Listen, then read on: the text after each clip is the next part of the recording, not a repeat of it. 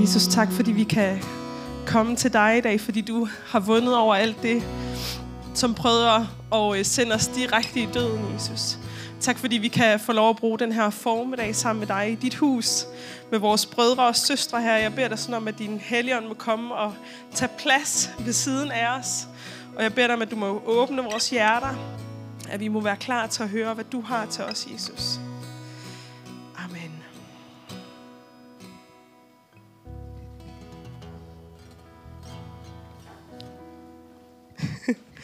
Tak, lovsangsteam. Og der er børnekirke.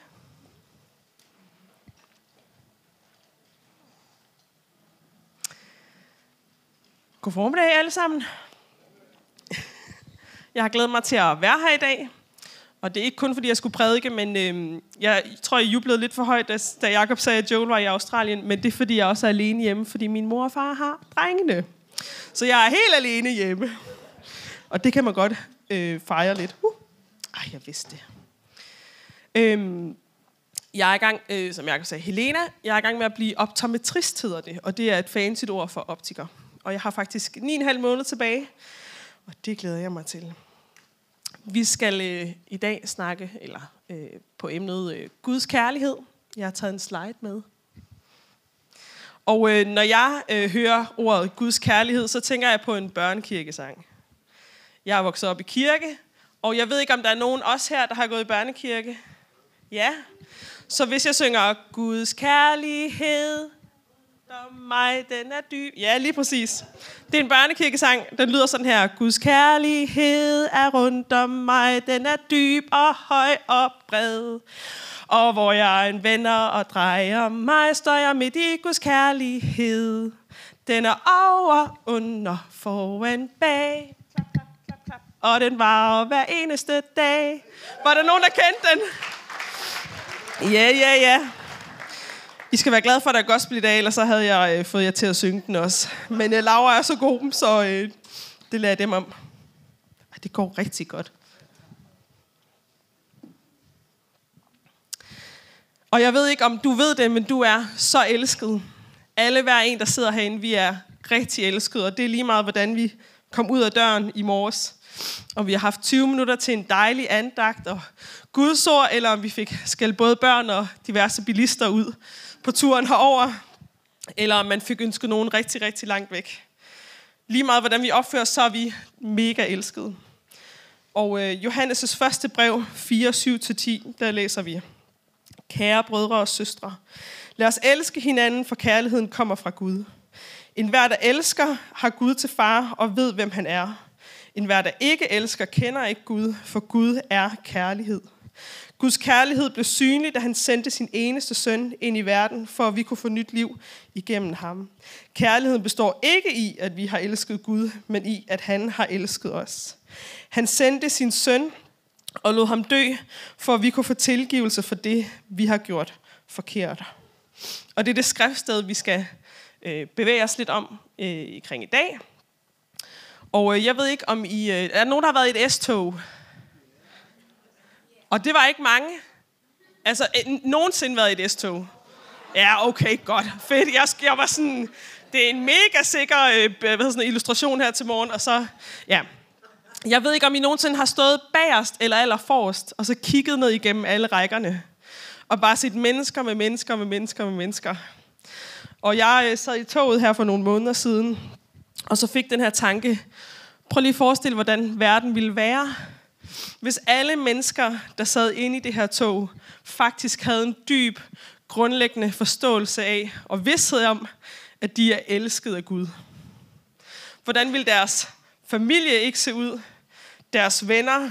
Hvordan vil det påvirke deres arbejdsplads, hvis hver eneste gik ind og havde en dyb vidsthed om, at de var elsket? Hvordan vil deres egen forståelse af dem selv være, hvis de kunne få lov at gå med den, ene, den vidsthed hver eneste dag? Vi lever, i en, øh, vi lever i en verden, som vi tror på, at Gud har skabt. Og der står også i Bibelen, at vi er skabt i hans billede, ligesom vi skal være. Så der er ikke nogen, der sidder her og er en fejltagelse, eller ikke helt lige som de skulle være. Vi tror på, at Gud har skabt os alle sammen, ligesom vi skulle være. Men vi lever også i en ødelagt verden, hvor både krig og katastrofer er daglige nyheder, og hvor ondskab og død også er noget, som vi bare skal åbne op på vores tv eller nyhedsapp, og så er det noget af det, vi læser om. Og det hele startede faktisk allerede i skabelsen. For Gud skabte hele verden med himlen og med havene. Han skabte landjorden og alt der gror. Han skabte dyrene, og man siger, har de fundet 1,6 millioner arter. Men de tror, der er et sted mellem 5 og 100 millioner forskellige arter. Prøv lige at tænke at have det som fuldtidsjob. Det kræver noget kreativitet. Og Gud skabte menneskene. Han skabte Adam og Eva og gav dem Edens have, hvor de kunne hygge sig. Og han sagde, I må gøre lige hvad I vil. Ej, han har nok ikke sagt, I må gøre lige hvad I vil. Han har sagt, I må spise alle træerne, undtagen det ene. Og øh, det er jo morsdag i dag. Jeg håber, der er nogen, der har fået nogle gode gaver. Øh, min gode gave er, at jeg er alene hjemme. Men øh, Joels første morsdagsgave til mig var en støvsuger. Så man kan ligesom sige, at vi har oppet sig lidt. Jeg håber også, du har fundet på noget godt, både Christa og Nikolaj, og fejre i dag.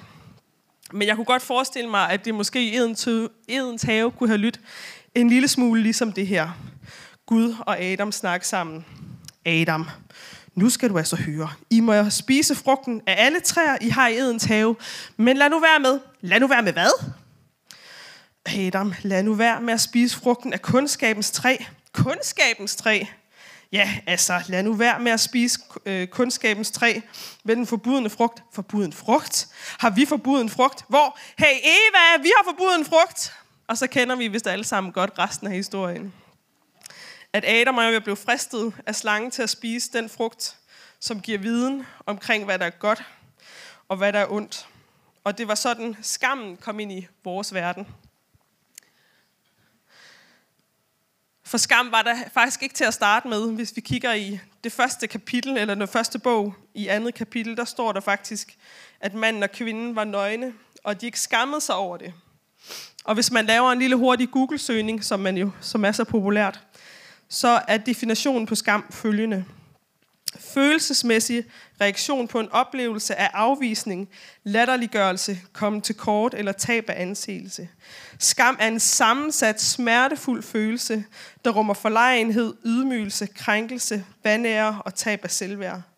Skamfølelsen opstår omkring toårsalderen, hvor barnet i sin adskillelse fra moderen udvikler en vis selvstændighed. Og i denne fase bliver barnet i stigende grad opmærksom på sig selv som et individ, der skal præstere noget.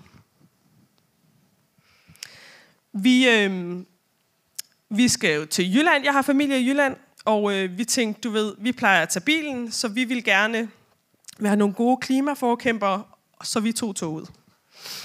Og øh, jeg havde også været en god mor. Jeg ved ikke, om der er nogen, der har det her lifehack, men ellers så må I gerne tage det. Hvis man skal lave pølsehorn, så kan man købe sådan en rulle med dej, som er sådan rundt, og så er der forskåret, og så skal man bare pølser, og så ind, og så rulle, og så ind i ovnen. Nogen, der kender det? Ellers værsgod. Det er et rigtig godt trick, hvis man kan, har nogen, der kan lide pølsehorn.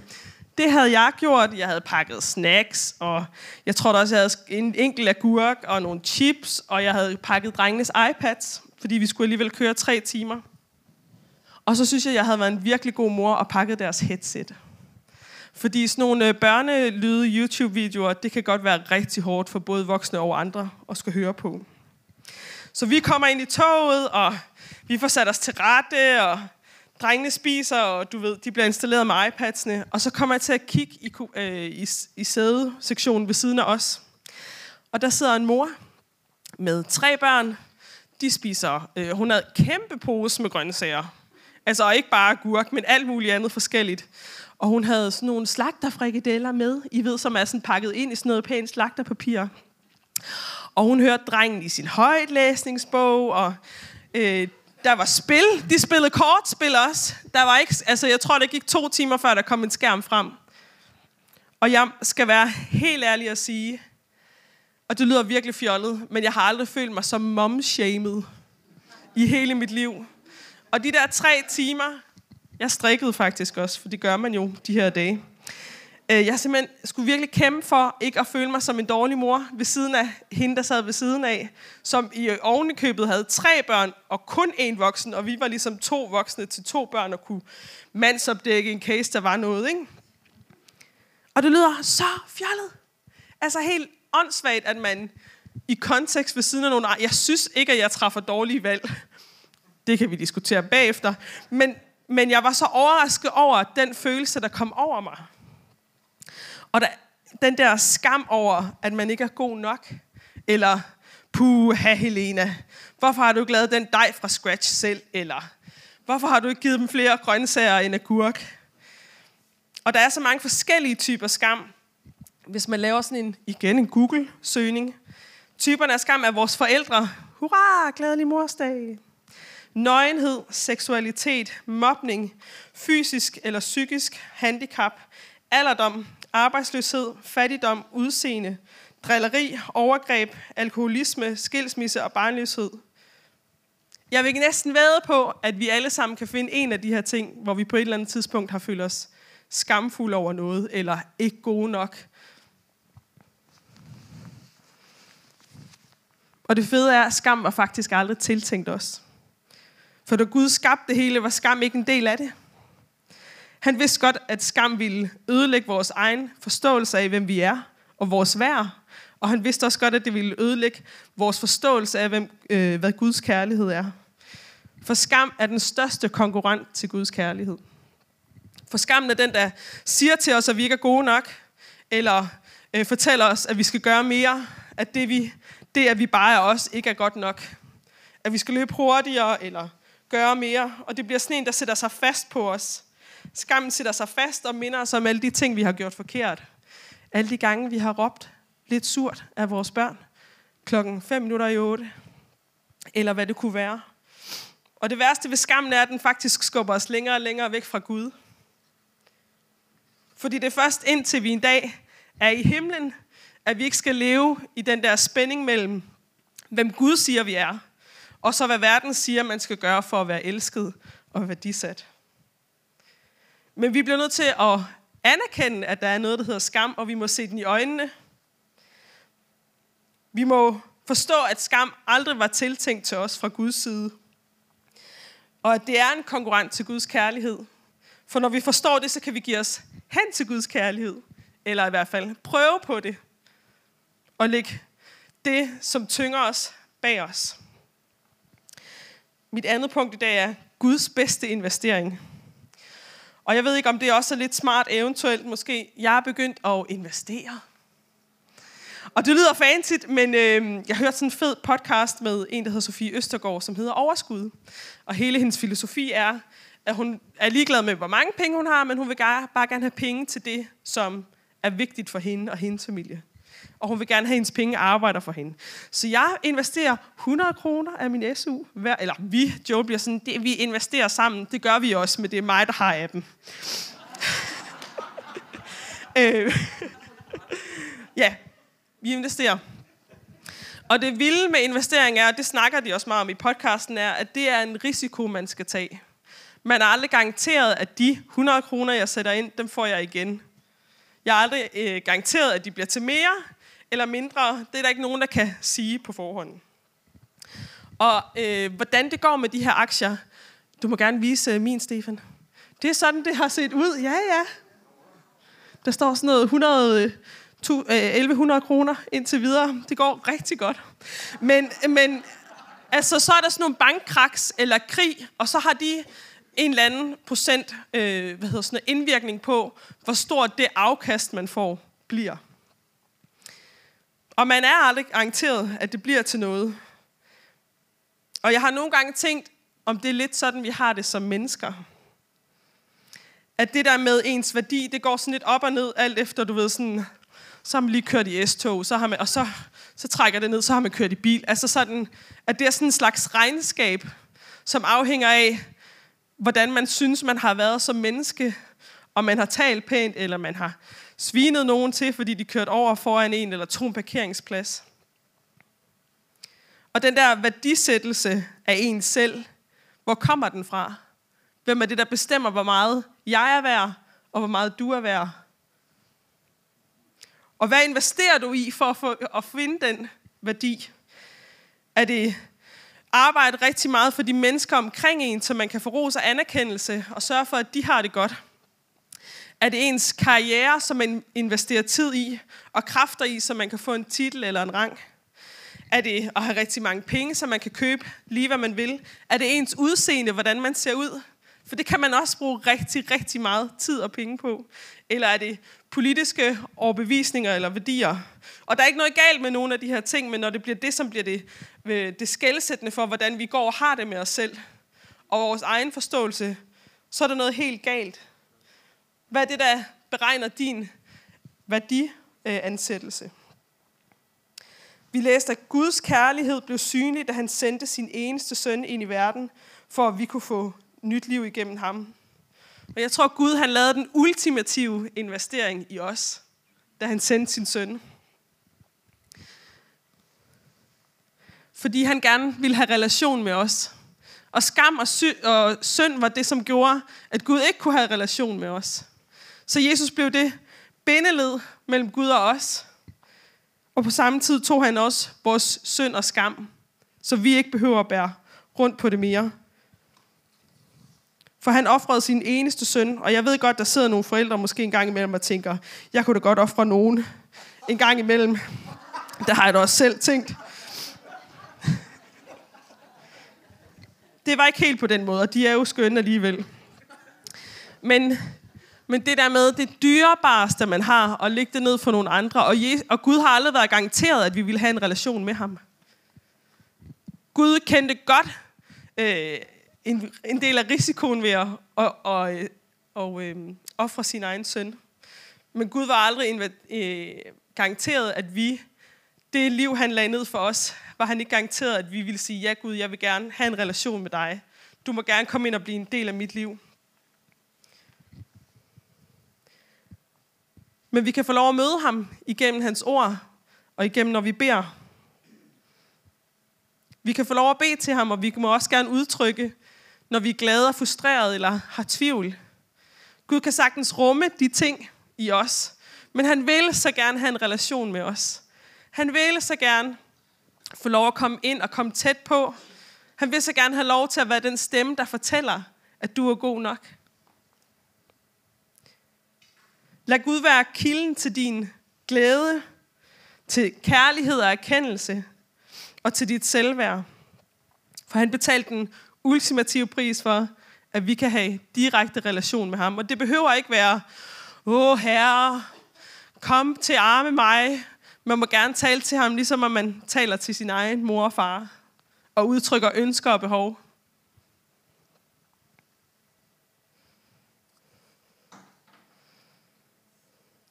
Mit tredje punkt i dag, det er, at Gud elsker dig, uanset om du kan lide det eller ej. For der står, kærligheden består ikke i, at vi har elsket Gud, men i, at han har elsket os. Jeg læser det lige en gang til.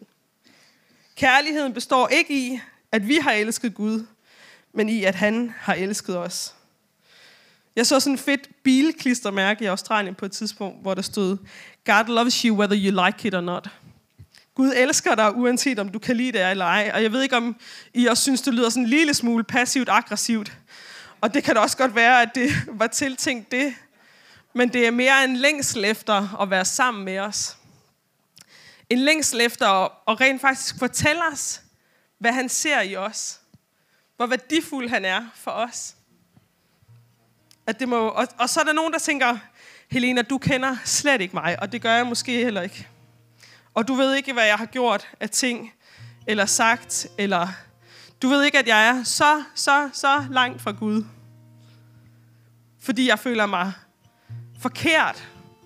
Jeg føler mig ikke god nok. Jeg har fejlet som mor, eller som kollega, eller som far, eller jeg har fejlet som ven, eller jeg ved ikke, hvad du har i bagagen af ting, som tynger dig.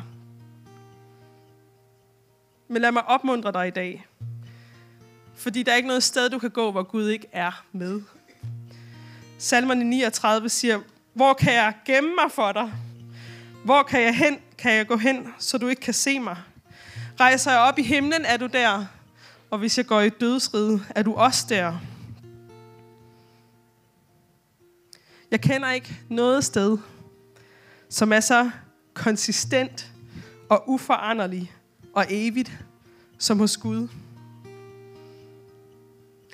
Jeg kender kun et sted, hvor min værdi aldrig ændres, uanset hvad jeg har sagt eller gjort. Eller ikke sagt eller gjort. Hvor min værdi kun afhænger af, at jeg er Guds barn, og han elsker mig. Jeg snakkede med David om, lige før gudstjenesten, det der med børne, børnekirkesange, bliver sådan nogle ørehænger, når man er børn, og når man så får dykket ned i dem som voksen, så får de en helt anden, dybere betydning. For når vi synger, Guds kærlighed er rundt om mig, den er dyb og høj og bred. Dyb. Guds kærlighed er over det, som er så dybt nede i vores underbevidsthed. Det, som ligger som en dårlig, noget, som eksploderer lige om lidt, eller det, som har såret os så, så, så dybt, at det er blevet en del af vores identitet. Højt.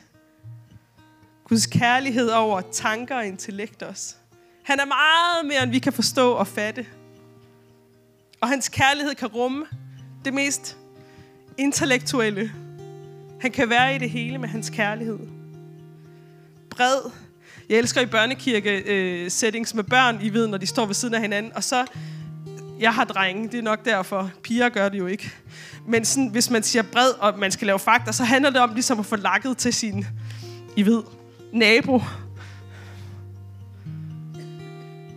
Gud har også nok kærlighed til din næste, til din naboer, til din familie. Til dine kolleger på arbejdspladsen, som gang på gang bare irriterer dig grænseløst. Og det er ikke noget, vi skal producere selv. Det er noget, han giver. Det er en gave, kærlighed, og vi må faktisk gerne bede om den. Vi må faktisk gerne sige, Gud, jeg har ikke kærlighed til X, Y, Z. Men jeg har brug for, at du giver den til mig, for jeg vil gerne være den, der forstår, at din kærlighed er bred og rækker til vores næste.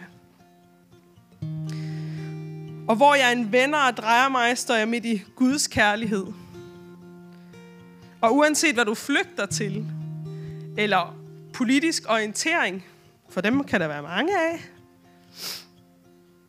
uanset din orientering i forhold til magt eller anerkendelse, eller hvad det end kunne være, så er Gud lige det. Der, hvor der er nogen, der er højreorienteret, og nogen, der er venstreorienteret, så kan man aldrig nå så langt ud, at Gud ikke godt kan ramme det hele. Hele vejen rundt. Den er over, under, foran og bag. Over. Guds kærlighed over det, du ikke er herre over. Alle de ting i verden, som vi ikke kan bestemme noget om, eller ikke har nogen indflydelse på. Det, som gør, at vores aktier går op og ned, det er Gud herre over. Under Guds kærlighed er også over alt det, som vi faktisk har indflydelse på. De ord, der kommer ud af vores mund. Den måde, vi er på over for vores næste også. Foran, Gud er foran. Guds kærlighed over din fremtid, og Guds kærlighed over din fortid. Den varer hver eneste dag, og det er noget, vi kan tappe ind i og hente hver eneste dag. Lige om lidt så synger David en sang, der hedder Kærlighed ved bære. Og jeg vil gerne have, at vi lige tager os tid til at reflektere.